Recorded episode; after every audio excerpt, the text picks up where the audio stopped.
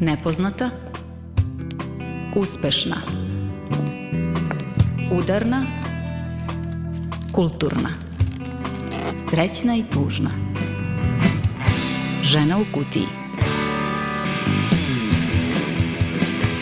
Dobrodošli u Ženu u kutiji. Ostanite sa nama u narednih sat vremena u kojima odjekuju ženski glasovi uz podršku naravno koleginice zadužene za ton. Ona je Iboja Šanca, ja sam Tamara Srijemac. Za početak teme koje su u fokusu današnje emisije.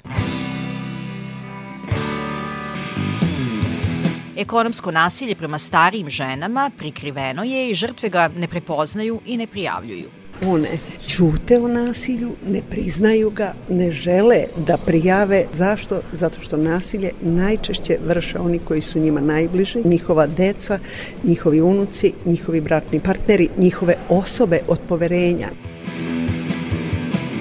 Dobitnica nagrade Iskra kulture za savremeno stvaralaštvo autora i autorki do 35 godina je 26-godišnja dramaturškinja, scenarijskinja, dranska spisateljica Mina Petrić. Ona je sagovornica žene u kutiji. Prazna stranica je nešto najstrašnije na svetu, ali opet to je polje u kom se čovjek bori sam sa sobom. To je vrsta neprijatnosti u koju volim da se dovodi.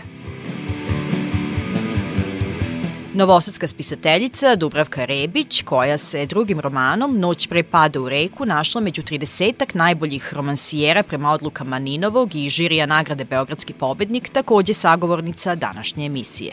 Dosta sam radila na svom jeziku i želela sam da se ta promena uvidi i nije bilo lako izaći pred ljude i pokazati evo, dovde sam stigla.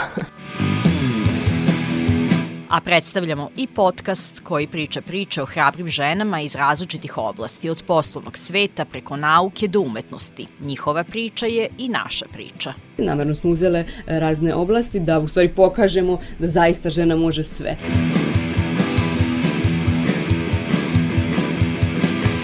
Udarna žena u kutiji.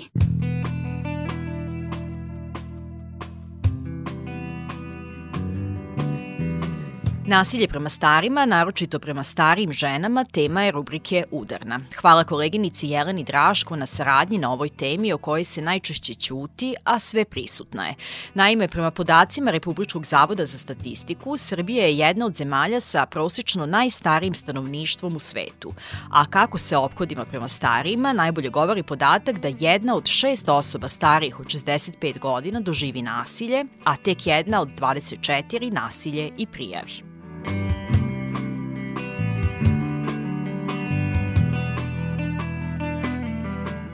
Starije žene uglavnom trpe nasilje i straha, stida, ekonomske zavisnosti i prisutnih jakih patrijarhalnih obrazaca, kaže Nadežda Satarić iz udruženja Snaga prijateljstva Emiti, koje je fokusirano na zaštitu starijih žena od nasilja i njegovu prevenciju. One ćute o nasilju, ne priznaju ga, ne žele da prijave zašto i ne znaju kako i kome, stid ih je, sramota ih je. Zašto? Zato što nasilje najčešće vrše oni koji su njima najbliži najbliži, a to su njihova deca, njihovi unuci, njihovi bratni partneri, njihove osobe od poverenja, negovatelji, oni koji im ulaze u kuću, koji ih neguju, pružaju im neku, neki vid pomoći. Vrlo često negiraju i ne prepoznaju ni fizičko nasilje i veliki broj starijih žena smatra da muž ili partner ima pravo da ih ošamari.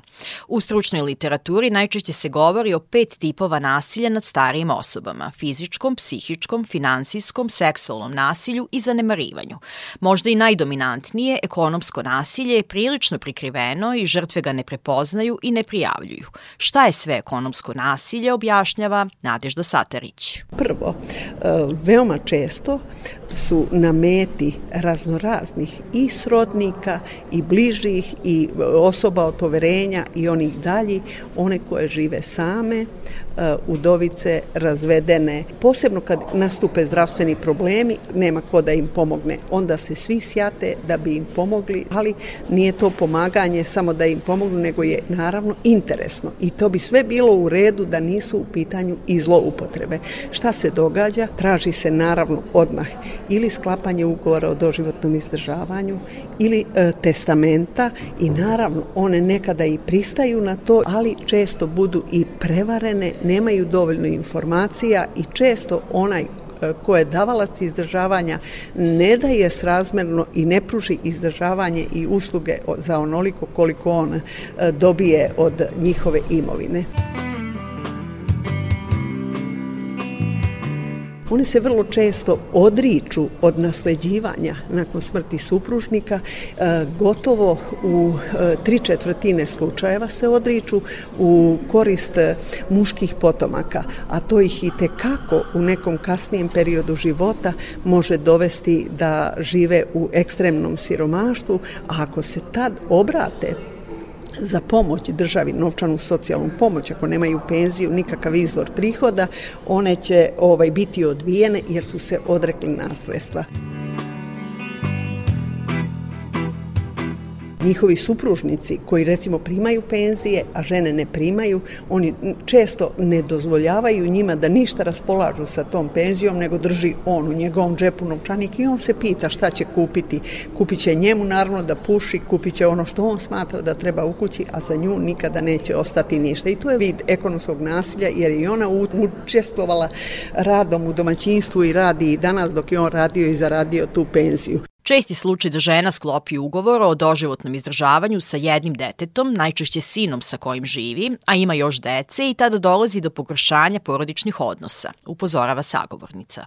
Obično je majka išla pa bude mesec dana kod jednog, pa mesec kod drugog, a stalno je nastanjena recimo kod jednog sina i sad ovaj insistira na ugovoru kad ovo čuju, a saznaju drugi, više neće ni da nema više mesta ni u njihovoj kući, a ovamo ništa se ne poboljšava i eto ga i tu nasilje. Prisutna je i zloupotreba čekova, kartica, računa, zatim krađa novca, nakita, prodaje imovine bez njihovog pristanka, a ovlašćenje da neko prima njihovu penziju takođe može biti zloupotrebljeno.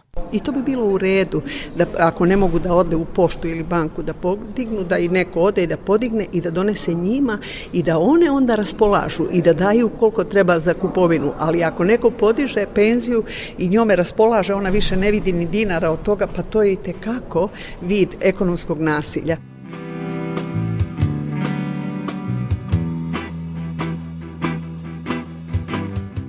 Naravno da je ekonomsko nasilje o čemu one takođe ne pričaju kada ih, neću da kažem prisile, ali tako reći srodnici ubede da one idu i da ih smeste u dom penzionera jer njima treba proširenje stambenog prostora. Treba im stan zato što se ženi unuk ili im treba soba, došlo je unuče i ona sada ide da bi učinila, a ne i svoje želje, radila sam u domu i znam kako to izgleda, koliko pate kad ih neko izmesti iz kuće mimo njihove želje. Neretko stariji ljudi stavljaju hipoteku na svoju nekretninu u slučajevima kada budu garanti svojim potomcima koji podižu kredite za rešavanje stambenog pitanja. Pa kada mlađi rođak, bratanac ne otplaćuje više, ostao je, ne može da otplaćuje stan koji je uzeo na kredit, iseljavaju ih, više nema milosti ko je stavio u zalog i onda moraju da idu u podstanare. I naravno to su sve izuzetno stresne i tužne situacije. Još jedan oblik ekonomskog nasilja o kojem govori Nadežda Satarić tiče se starih osoba od 80 godina, posebno žena koja imaju kognitivne smetnje i neku vrstu demencije. Oduzimanje poslovne sposobnosti i stavljanje pod starateljstvo da bi se smestili u dom da bi se upotrebila i zloupotrebila, ne, ne u svim slučajima, ali se veoma zloupotrebe njihove imovine vrše. Posledice ekonomskog nasilja prema starim ženama su brojne i katastrofalne, kaže predsjednica Upravnog odbora Udruženja Amiti. Neki od njih su rizik od siromaštva i beskućništva, osjećaj uznemirenosti i straha, alkoholna zavisnost, roša raspoloženje i tuga koja se javlja kod 50% žrtava. I da ne pričamo o psihičkim posledicama, pokušaj suicida i samoubistva.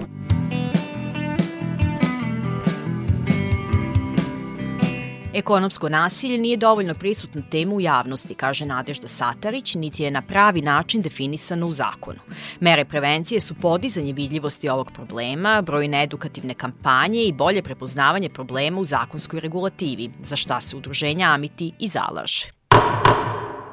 Mi se zalažemo da se nasilje prema starijim osobama inkriminiše kao posebno krivično delo i da se sve ove situacije uzmu u obzir, jer i po sadašnjim zakonima sve ovo što pričam je zabranjeno, ali se uopšte na to niti obraća pažnja, niti, niti se to evidentira.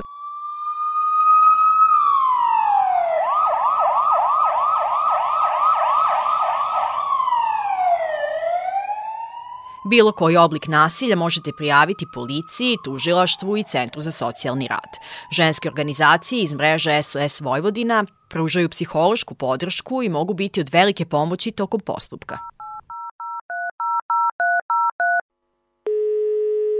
Jedinstveni SOS telefon Vojvodina je 0800 10 10 10. Namenjen je svim ženama koje se nađu u situaciji porodičnog ili partnerskog nasilja. Usluga je dostupna svakog radnog dana od 10 do 20 časova, a poziv na ovaj broj je besplatan za sve korisnice, bilo da pozovu iz mobilne ili fiksne telefonije iz bilo kog mesta u Vojvodini.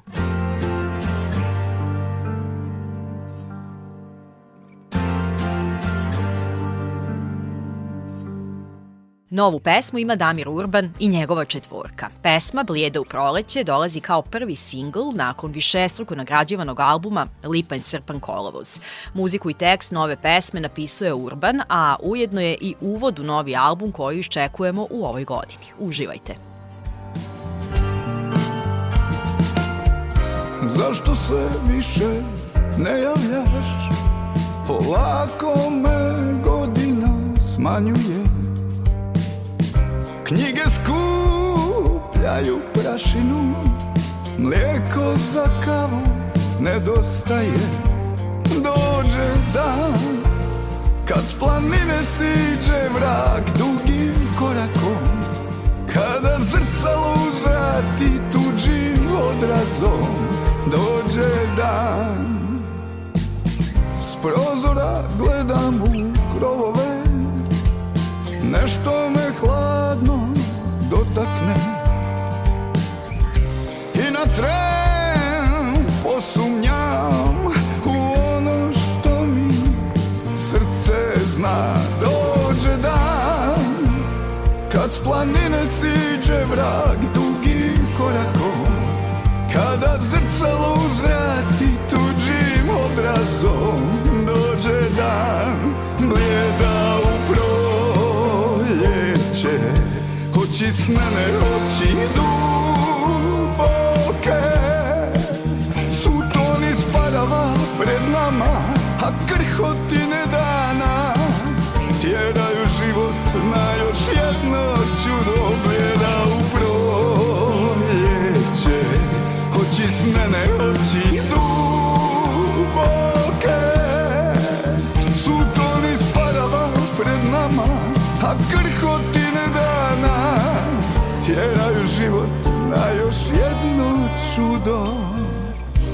zadnju molitvu potrošio A tvoja odsutnost ne popušta.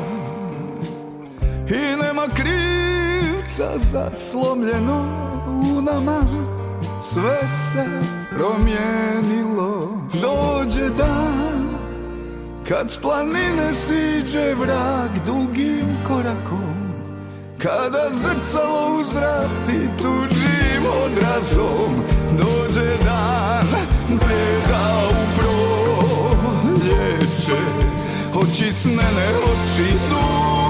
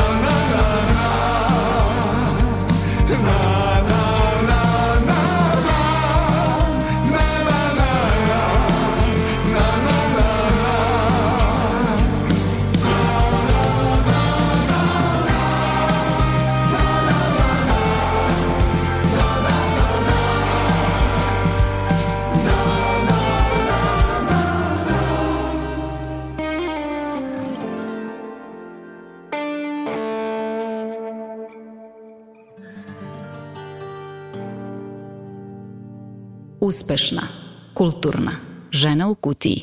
U Ženi u kutiji volimo da predstavimo i mlade uspešne umetnice iz Novog Sada i Vojvodine i u današnjoj emisiji je to slučaj. Dve nagrađene novoseđanke u prošloj godini govore za Ženu u kutiji.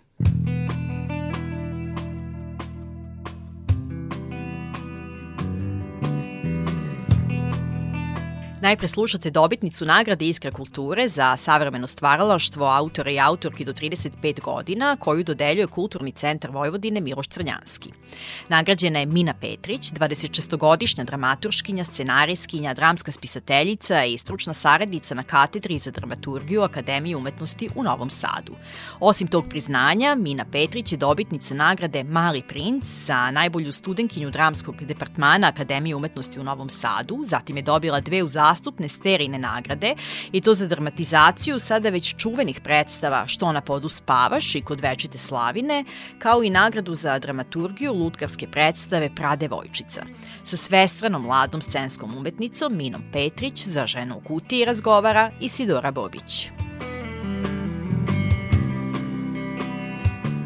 Radiš kao dramaturškinja, dramska spisateljica i scenarijskinja. Baviš se i pozorišnom i filmskom teorijom, pozorištem za decu. E, radila si dramaturgiju i lutkarske predstave, za to i nagrađena. Gde se u svemu tome ti osjećaš najsuverenije ili možda svoju suverenost postižeš upravo u sinkretizmu tih svih stvari? Meni se čini da se najslobodnije i najsrećnije osjećam u pisanju i da je to neki prostor gde mogu da se, da istražujem uh, i sebe i, i da se nadograđujem i nekako rastem. Dok ovaj rad u pozorištu naravno podrazumeva sve to isto, ali na jedan način koji od mene zahteva i veliku količinu uh, energije koju usmeravam ka nekoj vrsti harmoničnog rada, prosto ono što pisanje za mene, iako nekad vrlo neprijatno, e, samo po sebi podrazumeva, a to je neki jel, prostor slobode. U pozorištu uh,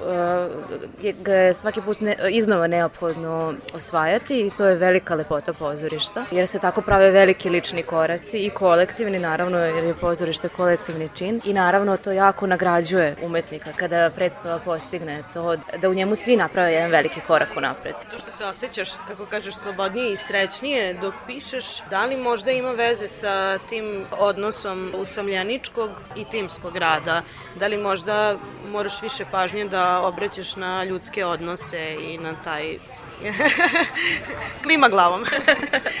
Definitivno. Mislim da to najviše ima veze sa tim što sam ja ekstremni introvert i umem nekad da se isfoliram da ja kao super podnosim e, rad u kolektivima i slično i ja zaista volim da radim u pozorištu i volim da radim u kolektivu i to ima svoje velike prednosti i nagrade, ali je to isto jedan prostor nesigurnosti za mene. Ne mogu da kažem da se u pisanju osjećam e, super sigurno i srećno, ne naravno, prazna stranica je nešto najstrašnije na svetu, ali opet to je polje u kom se čovjek bori sam sa sobom. To je vrsta neprijatnosti u koju volim da se dovodi. Interesantan mi je taj odnos spisateljice i dramaturškenje u tebi, pa bih te pitala kada pišeš e, dramski tekst, e, da li imaš na umu sebe kao dramaturga, naravno ne mislim egoistički, nego nekako imanentno da to prosto proizilazi iz tebe, da razmišljaš paralelno i o tome kako bi ti sada to dramatizovala i kakav je taj odnos tvoj, na primjer, kao spisateljice, poverenja u dramaturge? E,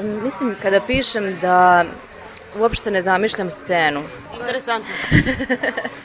Da, e, ne režiram u glavi e, predstavu koju pišem, zapravo teško mi je i da zamislim, kad čitam iznova svoj tekst, teško mi je da, da zamislim kako bi se to postavljalo i, i ne volim u to da se mešam. Mislim da bih dozvolila sebi možda dramaturški rad na nekim starim svojim tekstovima, u kojima, prema kojima više nemam nikakav emotivni odnos i u kojima osjećam gde je moguće nešto popraviti, nešto menjati, nešto nadograditi, dekonstruisati, šta je sad već rediteljska ideja, dok u, u tekstovima koji su skorije nastali ne bih ni za živu glavu pristala da radim kao dramaturg, jer ipak mislim da dramaturg mora da ima to neko e, opet polje slobode, da nema strahopoštovanja sprem pisa, što naravno ne znači da se ne odnosi sa poštovanjem prema tekstu i predlošku. I sve više shvatam da je teško i kad si dramatizator i dramaturg da e, učestvuješ ravnopravno i u jednom i u drugom delu. Uvek će jedna od te dve uloge patiti.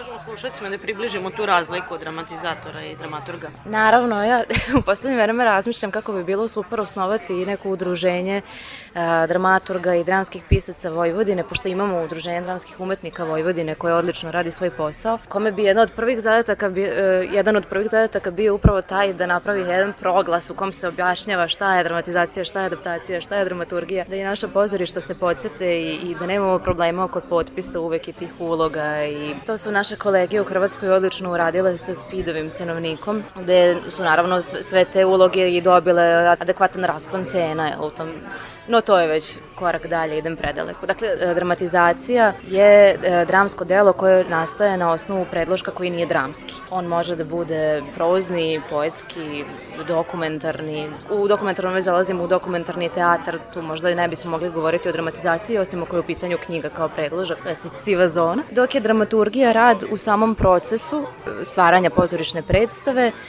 koji najviše podrazumeva rad na tekstu, odnosno na priči.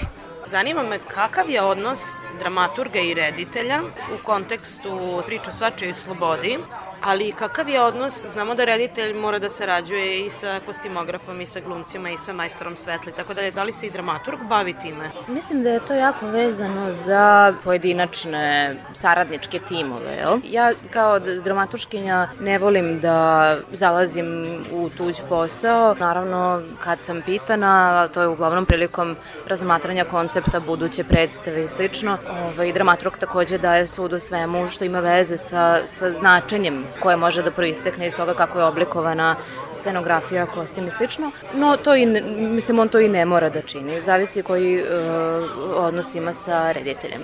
E sad, taj teret, pa i najveća odgovornost stvaranja jedne predstave naravno e, leži na reditelju i kakav će odnos biti uspostavljen između reditelja i saradnika možda najviše zavisi od toga koliko je reditelj spreman da stvori harmoničnu atmosferu. Mislim da sam imala tu sreću da radim u brojnim procesima koji su bili vrlo nagrađujući u tom smislu i, i nekog međuljudskog povezivanja, e, lepe saradnje i slično i mislim da me i u budućnosti negde čeka puno lepih saradnji e, sa ljudima sa kojima sam već radila i sa ljudima sa kojima nisam, zato što mislim da se uh, jel, slično sličnom raduje i da se nekako prirodno stvaraju te veze u, i raskidaju jel, u pozorištu, e, da se ljudi prosto da osete senzibilitete jedni drugi.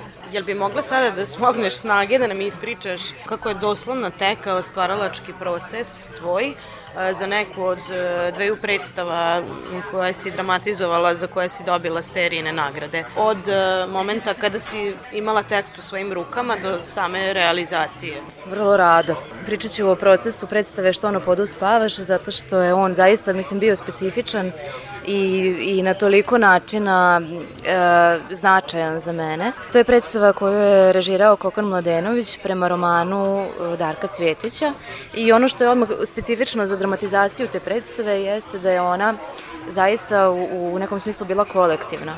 Ja sam taj roman pročitala, naravno kad sam se čula sa Kokanom, dogovorila saradnju. To čitanje je proteklo tako što sam preplakala roman. A, I jako sam se tada bila zabrinula, bože, kako ću ja na ovome da radim kad, kad ovoliko emotivno reagujem na tekst. To u nekim situacijama može da bude i, i vrlo korisno, No ja kako sam štreverka i volim da imam kontrolu nad svime zapravo u procesu rada, tako su me te emocije nekako uplašile. A onda pogotovo kad sam čula da će Darko biti jedan od učesnika, pa i u celom procesu, a i u uh, izvođenju predstave. Kada su se spojila tri ansambla koja su uh, radila na predstavi, u pitanju su ansambl uh, pozorišta Gavela iz Zagreba, Narodnog pozorišta Sarajevo i Srpskog narodnog pozorišta. I kad smo svi seli zajedno za sto i uh, pročitali roman, Dakle, dramatizacija nije, nije rađena unapred. U proces smo krenuli čitajući i svi zajedno prošli kroz isto to plakanje i tako se odmah povezali. Predivno. Stvari su počele jednostavno same da se otvaraju. Ljudi su se brzo oko te vrlo bolne teme za sve tri zemlje uključene vrlo e, brzo su se prevazišle možda neke predrasude i neprijatnosti. Toliko brzo da mogu kažem da ih prosto nismo ni, nismo ni došli do trenutka da osjećamo bilo kakvu neprijatnost, jer su ljudi odmah počeli tako divno i otvoreno da sarađuju, našavši se u tom Darkovom tekstu i u Darkovom opusu generalno, u Darkovoj ličnosti koja je uvek bila prisutna sa nama uh, i čiji smo svet intimni, budući da je taj roman autobiografski u velikoj meri Dakle, njegov intimni svet smo istraživali. I onda je tek na osnovu improvizacija, istraživanja, kopanja nastajao dramski materijal, tako da su brojne scene u stvari dramatizovane tako što sam ja obradila ili Kokan ili Dubravko Mihanović, moj kolega koji je e, takođe dramaturg te predstave, e, tako što bismo obradili e, scenu koja je nastala kroz improvizaciju na osnovu romana. I toliko je lepo što je predstava upravo tako nastajala, jer je ona onda, ne, ne volim da koristim reč proizvod u kontekstu predstave, ali onda je krajnji, pomozi mi, ishod, ishod, tako je našeg rada, u pravom smislu uh, kolektivan, organski, jer su samo ti ljudi koji su u njemu učestvovali mogli da naprave tu predstavu, da je makar jedan član ansambla bio drugi, to bi bila druga predstava. Verujem da bi tako svaka predstava i, i morala funkcionisati, da nju tvore ljudi uključeni u proces. Ne nekakva ideja ili gvozdeni koncept koji ne može da se poremeti. I sada kako se ona igra već baš dugo, imam utisak kao da smo je juče završili u stvari na godinu i po dana, ona živi. Ona se iz svakog igranja unapređuje, zato što glumci nastavljaju da je osjećaju kao živi materijal, ona raste, nadograđuju i meni je veliko uživanje, iako uglavnom mi je teško pada da gledam svoje predstave jer primećujem tako ja, ovo je moglo bolje, ovo sam mogla drugačije i slično. Ovde ne, jer nekako u potpunosti verujem predstavi, verujem tim ljudima i verujem da svaki potez koji naprave u okviru dramskog materijala je pravi. Hvala ti na ovoj divnoj, plemenitoj priči zaista. Tipično pitanje za kraj, kakvi su planovi za budućnost, pošto se baviš i teorijom filma. Nedavno sam počela da radim na Akademiji umetnosti u Novom Sadu i to me jako raduje i jako mi prijata je rad uh, sa studentima. Um, te uh, spletom okolnosti ću jel, stupiti i na doktorske studije gde ću se sigurno više baviti uh, i teorijom, ali i praksom, budući da je to umetnički doktorat u vezi sa filmom. Um, I to je eto jedan aspekt uh, mog interesovanja koji je možda malo zapostavljen ovim intenzivnim bavljenjem pozorištem, tako da se jako radujem da se malo vratim filmu koja je moja velika ljubav. No, u vezi sa pozorištem tu se smeša neke divne nove saradnje. Ne znam da li je rano to da najavim, ali e, trebalo bi jedan moj tekst da se postavi sledeće sezone u ovo vreme, tako da mi to pruža veliku radost i zadovoljstvo i imam utisak da me čeka ta prazna stranica sada, da me ovaj, sledeća godina samo zove u tom smislu. Ja se nadam da je tako i da će biti plodonosna kao i ove do sada. E, čestitam ti na značajnoj nagradi i na svim nagradama do sada. Želim ti da nastaviš da uživaš u svom poslu. Hvala ti što si govorila za Radio Novi Sad. Hvala tebi.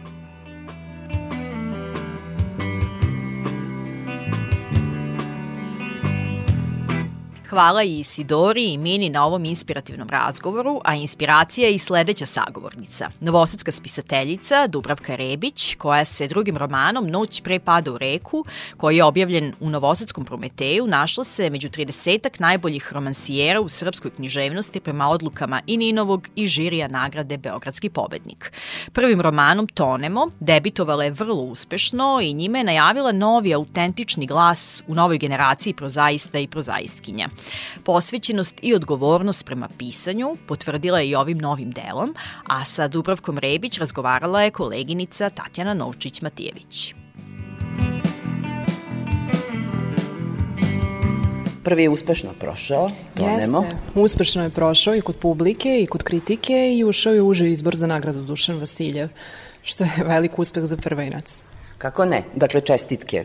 I sada je bila odgovornost mnogo velika napisati drugi, drugu knjigu. Kažu svi pisci da je to tamtalove muke, tako reći. Nije lako. Čak mislim da mi je bilo teže ovaj put, zato što sam imala utisak da su očekivanja velika i dosta sam i radila na ovom tekstu, mnogo više nego na prvom. Uh, Išla sam na radionice pisanja kratke priče, dve godine skoro kod Srđana Srdića i Vlade Arsenića, na radionice pisanja poezije kod Ognjenke Lakićević i Dosta sam radila na svom jeziku i želela sam da se ta promena uvidi i nije bilo lako izaći pred ljude i pokazati evo, dovde sam stigla. I onda još nasloviti roman Noć pre pada u reku. Dakle, vrlo hrabro i provokativno, rekla bih. Je li onako u najgrubljem možemo ovo imenovati kao porodični roman o porodici, ajde, recimo? Jeste. Ovaj roman pokriva period od skoro 90 godina. Porodična je priča, ispričana iz ugla tri generacije i cilj mi je bio da prikažem kako određene traumatska iskustva i naučeni obrazci ponašanja, kako utiču na nas i kako ih nesvesno ili svesno prenosimo na mlađe generacije i kako nas ta iskustva oblikuju danas, iskustva naših predaka. A toga možda i nismo svesni. Pa sam htela kroz ovaj tekst da, pozov, da pozovem čitaoce da se zagledaju u svoju prošlost kako bi bolje shvatili sebe danas. I govorite o jeziku, o tom brušenju jezika od, od prvog romana do ovog a koji su bile i kreativne radionice pisanja i, i kratke priče i poezije, onda je to moralo da se vidi u ovom tekstu. Je li vam bilo bitno da izbrusite taj jezik? Jeste, jako mi je to bilo bitno i obradovala sam se što je Vlada Arsenić to primetio, naš književni kritičar, i nadam se da će i čitaoci uvideti taj rad na tome, da. Jer objektivno govoreći o tom transgeneracijskom iskustvu i imajući na umu prosto kulturološki kod u kojem mi funkcionišemo, vaš jezik je morao biti vrlo britak da ne bi bila prešlo u ona takozvana opšta mesta, jeli, gde, gde se lako moglo skliznuti. Tako je, morala sam da budem jako precizna i trudila sam se da ne budem banalna. Tako da, da bilo je izazovno. I je li ovo ispisivanje te noći pre pada u reku nešto što je provokacija svima nama, ali je li optimistično? Jeste, optimistično je. Prilično je optimistično, zato što se kroz razvoj likova vidi, tačnije kroz novije generacije, vidi određeno buđenje i osvešćivanje. Nema srećnog kraja, klasičnog srećnog kraja, ali postoji neke putanje koje je u pozitivnom smeru. Ja vam čestitam i na ovom romanu i želim mu još više čitalaca nego što je to imao Tonemo. Mm -hmm. I dakle sad ste već otvorili svoj put, pa napred. Hvala vam.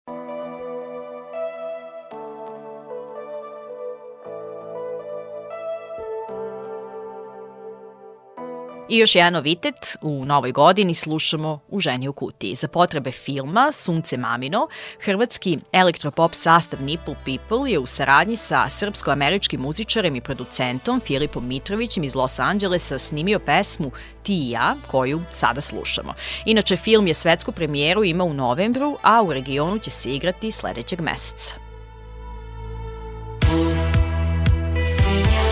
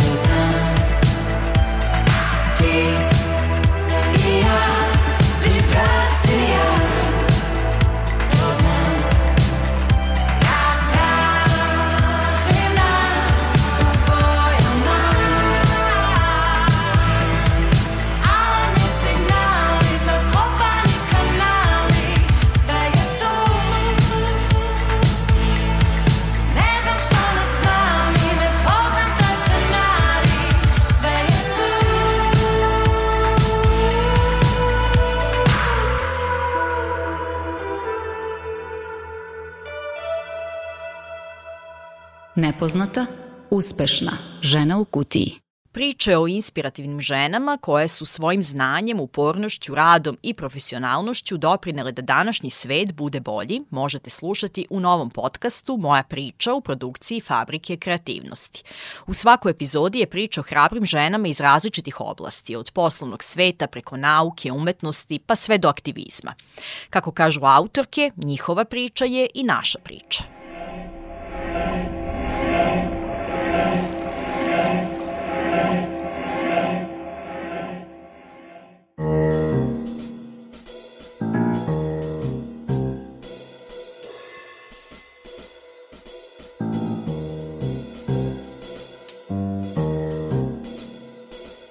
Krećemo sa famoznim Njujorkom, a godina je 1904. Bila je godišnjica Josefa Whitea i Minnie Bourke. I dan kada je njihova čerka, Margaret Bourke White, rođena. Kada kažem da ćemo pričati o fotografkinji, nećete se zaprepastiti.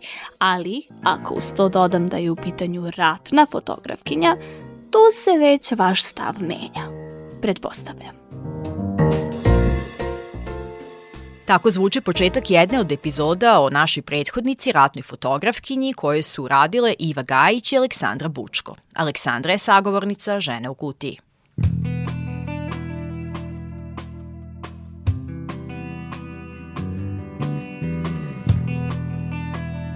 Novi podcast Moja priča fabrike kreativnosti je pokrenut simbolično na 25. novembar. Zašto nam je važan taj datum? To je Međunarodni dan borbe protiv nasilja nad ženama i prilika da osim da govorimo o toj temi istaknemo i značaj nekih velikih žena i naših prethodnica ali i savremenica. I podcast nam donosi priču upravo o inspirativnim ženama koje su doprinale da današnji svet bude bolji. I Aleksandra, volila bih uh, da mi kažeš zašto je tebi lično važno bilo da se baviš tim ženama i da napraviš neku vrstu podcasta koja možemo reći je omaž tim ženama u različitim profesijama. Negde kad smo e, razgovarale o, o nastanku celog tog podcasta sa, sa Ivom Gajić koja je u stvari kreirala tu prvu sezonu, to je bilo dve, tri godine unazad, e, želja nam je bila ne samo mi da saznamo malo više o tim ženama, e, već i da u stvari pružimo te priče drugima kao ohrabrenje i kao motivaciju šta sve možemo možemo da, da uradimo bez obzira na neke prepreke. To se u stvari sve povećalo ta moja želja a, kada sam dobila čerku i kada sam sad sve više u stvari kako je, kako je malo starija imam te, to je za devojčice, ovo je za dečake i onda mi i druge učimo kako je sve i za devojčice i za dečake, tako u stvari te žene koje su iz raznih a, oblasti, namerno smo uzele razne oblasti da u stvari pokažemo da zaista žena može sve. I namerno smo napravile i da budu kratke i da budu a, tako interesantne da da ne bi nekog odbili sa tim što možda nešto jako dugo traje, već da dobiju tu neku uh, prvu, najvažniju informaciju o toj određenoj ženi koja je uradila fenomenalnu stvar, pa možda onda ako žele da istražu to svakako nije sve stvari koje, koje je ta žena uradila nije stil, smešteno u tih 10 minuta, ali prosto da uh, um, kako ja da kažem, da... Bude ulaznica za neko dalje saznavanje o, o Tako toj je. osobi. Da, spomenula si dakle najrazličitije profesije. Mi slušamo priču o ratnoj fotografkinji, zatim dobitnici Nobelove nagrade, umetnici, sutkinji i tako dalje. Vrlo često su to profesije koje se tradicionalno percipiraju kao muške. Koje sve žene se nalaze u mojoj priči? Trenutno e, je prva sezona, tu su pet epizoda, već pripremamo i drugu sezonu, ali u toj prvoj sezoni smo se posvetile Ruth Bader Ginsburg, koja je u stvari u tom momentu kada smo mi kreirale zaista bila u fokusu javnosti, koja je u stvari bila prva sutkinja Ustavnog suda u Americi. I u stvari cijela njena priča je veoma interesantna zato što je prolazila neke stvari prva ili kada je smatrano da, na primjer, žene na Harvardu ne treba da budu i, i te neke situacije e, za koje mi, ja mislim da danas nismo svesne u mhm. stvari da prosto su neke žene prolazile kroz to, a neke žene nažalost još uvek prolaze kroz sva ta pitanja. Tu je i Margaret e, Hamilton koja je softverska inženjerka. Mi smo u jednom periodu jako puno, makar je meni u stvari izlazilo na socijalnim mrežama slika žene sa nekim ogromnom kulom papira papira i onda smo žele da saznamo šta je ta žena sve uradila, softverska, softverska inženjerka koja je napisala kod koji je povezan sa sletanjem čoveka na mesec, koja je radila zajedno sa, i sa svojom čerkom u, u, u, na svim tim um, prosto projektima koje je radila, koja je bukvalno izmislila svoje zvanje zato što je bila prva u tom svemu što je veoma u stvari interesantno jer mi i sada živimo to da u stvari negde promovišemo žene u STEM nauci i u svemu tome. Mhm. Ona je bila negde možda začetnica profesije u vezi sa tehnologijama.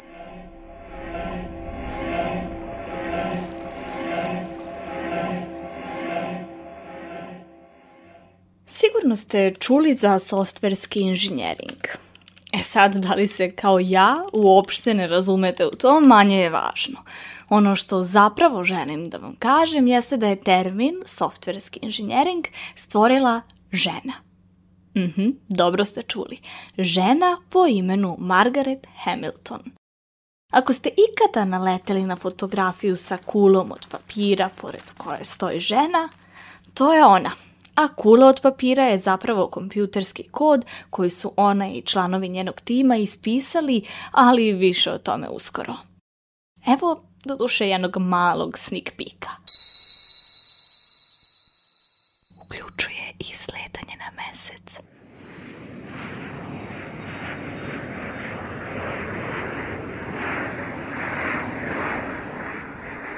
Žene koje su zaista probile led u nekim aspektima svog rada, ali ne samo time što su se bavile tim poslom, već i zaista su bile toliko kvalitetne i toliko su se dale i toliko su pokazale da, da mogu jako dobro da odrade taj posao. Sad mi je jako... Kak, ne da kako mogu to samo, nego zapravo i da mi pripada da, da, da im pripada to, to da rada. Da li nekad uzimamo zdravo za gotovo ta postignuća nekih žena i pre nas, pa čak i prava koje su izborile, koje mi danas uživamo. Da li smo dovoljno osvestili koliko je sve to veliko? Kada se spomene ovako, onda smo svesna, ali kada živimo to zbog možda nekih um, prosto mehurića u kojima živimo nismo toliko svesni zato što zato što to živimo. Mm -hmm. I onda kada dođe informacija da žene u 21. veku još uvek koriste um, vatu umesto uložaka ili da žene u 21. veku ne mogu da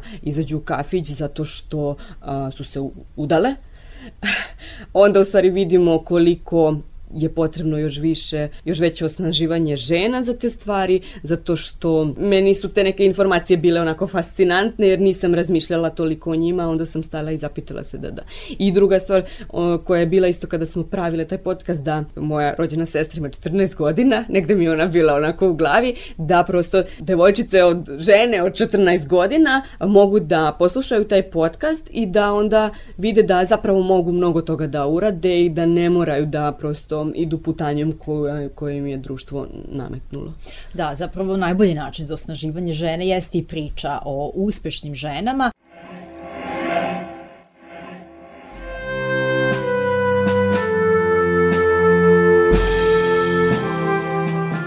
Pariz, 1911. godina. Samo ova rečenica dovoljna je da se prebacimo u ovaj romantični grad i razmislimo ko je žena o kojoj pričamo u ovoj epizodi podcasta. Evo hinta. Pariz znači umetnost. Naime, te 1911. godine rodila se Louise Bourgeois. Njeni roditelji držali su galeriju tapiserija, nastavljajući tradicionalni porodični posao. Oko 1919. godine Luizina majka, Josefina, dobila je španski grip, od kojeg se nikada nije u potpunosti oporavila. Zato je Luiz često prekidala svoje obrazovanje kako bi brinula o majci. Godine 1922. u porodicu dolazi žena iz Velike Britanije, Sadie Gordon Richmond, kako bi Louise i njenu sestru i brata učila da govore engleski.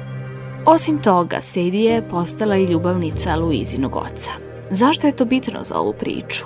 Ova zapetljana situacija i ponašanje njenog oca kasnije će naći izraz u Luizinoj umetnosti. Spomenula si već da je u pitanju kratka forma, 10 minuta, međutim vrlo je dinamična. Evo, ja kada sam slušala nekako priča odmah uvuče, tu su i zvučni efekti, muzika i stalno nas drže budnim, iako je samo u pitanju naracija, slušamo jedan glas ženski vokal o nekoj ženi i to na prvu delu je da će biti kada bi se ispričalo dosadno. Međutim, ne da nije dosadno, nego je izuzetno zanimljivo i kažem, vrlo brzo uvuče. Koliko je teško doći u današnje vreme kada imamo zaista mnogo medija, mnogo podcasta, mnogo sadržaja, koliko je teško doći do neke ciljne grupe i nametnuti neki kvalitetan sadržaj? Teško je nametnuti se, teško je probiti se zato što zaista živimo u, u moru i negde bez tog nekog boostovanja, bez te neke podrške a, drugih medija ili kreatora ili kreatorki a, je teško probiti se i doći do osoba koje bi mogle to da, da čuju. Ali nekako, nadam se da je to sve vremenom, da će se prosto to malo snažiti, pogotovo kada je u pitanju fabrika, jer smo mi tek sada ozbiljnije krenuli svemu, u svime time da se bavimo, da će prosto vremenom to da doći, da se probije taj, kao što mi kažemo, mehur i da ćemo doći do, do osoba koje će čuti, pogotovo u kontekstu takvih priča, zato što je stvarno potrebno da se da se te priče čuju, da prosto dođe do, do onih kojima su najpotrebniji, ne samo kada rastu i kada se osnažuju, već i možda da promene e, razmišljanje o, o tome šta žena može, a šta ne može. Pet epizoda je spremno, možda nas informišeš još za kraj kako ih možemo čuti, za one koji još nisu zapratili i našli fabriku kreativnosti, dakle kako to da uradimo i šta je u planu, dakle nastavljate sa snimanjem Tiva. Tako je. Iva, nažalost, ne, ne nastavlja snimanje zato što je Iva dobila posao u jednoj velikoj medijskoj kući i tada, sada je tamo aktivna, ali nastavljamo sa radom. Ona je napisala u stvari i e, priče za u prvobitnom tom kako kažem, krugu je napisala priče i za drugu sezonu, tako da će biti uključena na taj način. Podcast možete poslušati na svim većim platformama, kao što je Podcast RS, Apple Podcast, Spotify, um, Deezer, a takođe možete pogledati na sajtu Fabrike kreativnosti gde uvek se trudimo da ostavimo i neki manji tekstić, jer nam je zapravo u cilju da što više radimo na tome da ti, ti podcasti, te audio forme prenesemo i u vizuelni deo, znači ne video, već da bude vizuelni doživljaj kako bi i osobe koje možda imaju problema, koje imaju oštećeni sluh, mogle da dožive makar delić te audio forme.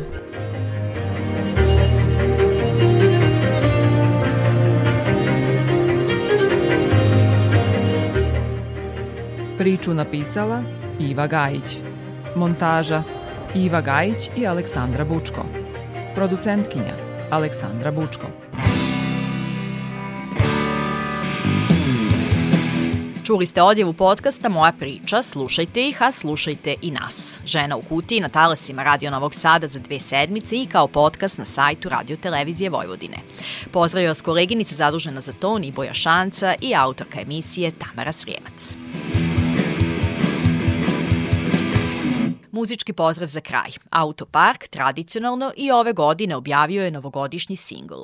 Uprko intenzivnom osjećanju da ćemo potpuno propasti i da više nemamo tlo pod nogama koje se probudilo nakon maja i intenziviralo u narednim mesecima, odlučila sam da zaključimo sa optimizmom. Ne damo da pobedi mrak. To poručuje Ognjenka Lakićević predstavljajući novi singl. Album Autoparka planiran je za ovu godinu na radost mnogih, a u Ženi u kutiji slušamo taj novi singl singl Zamalo me oteo mrak. Ova pesma je kolektivni zagrljaj za sve dobre, nežne, osetljive, poručuje autorka. Prijatan dan. Ja sam šut u pustim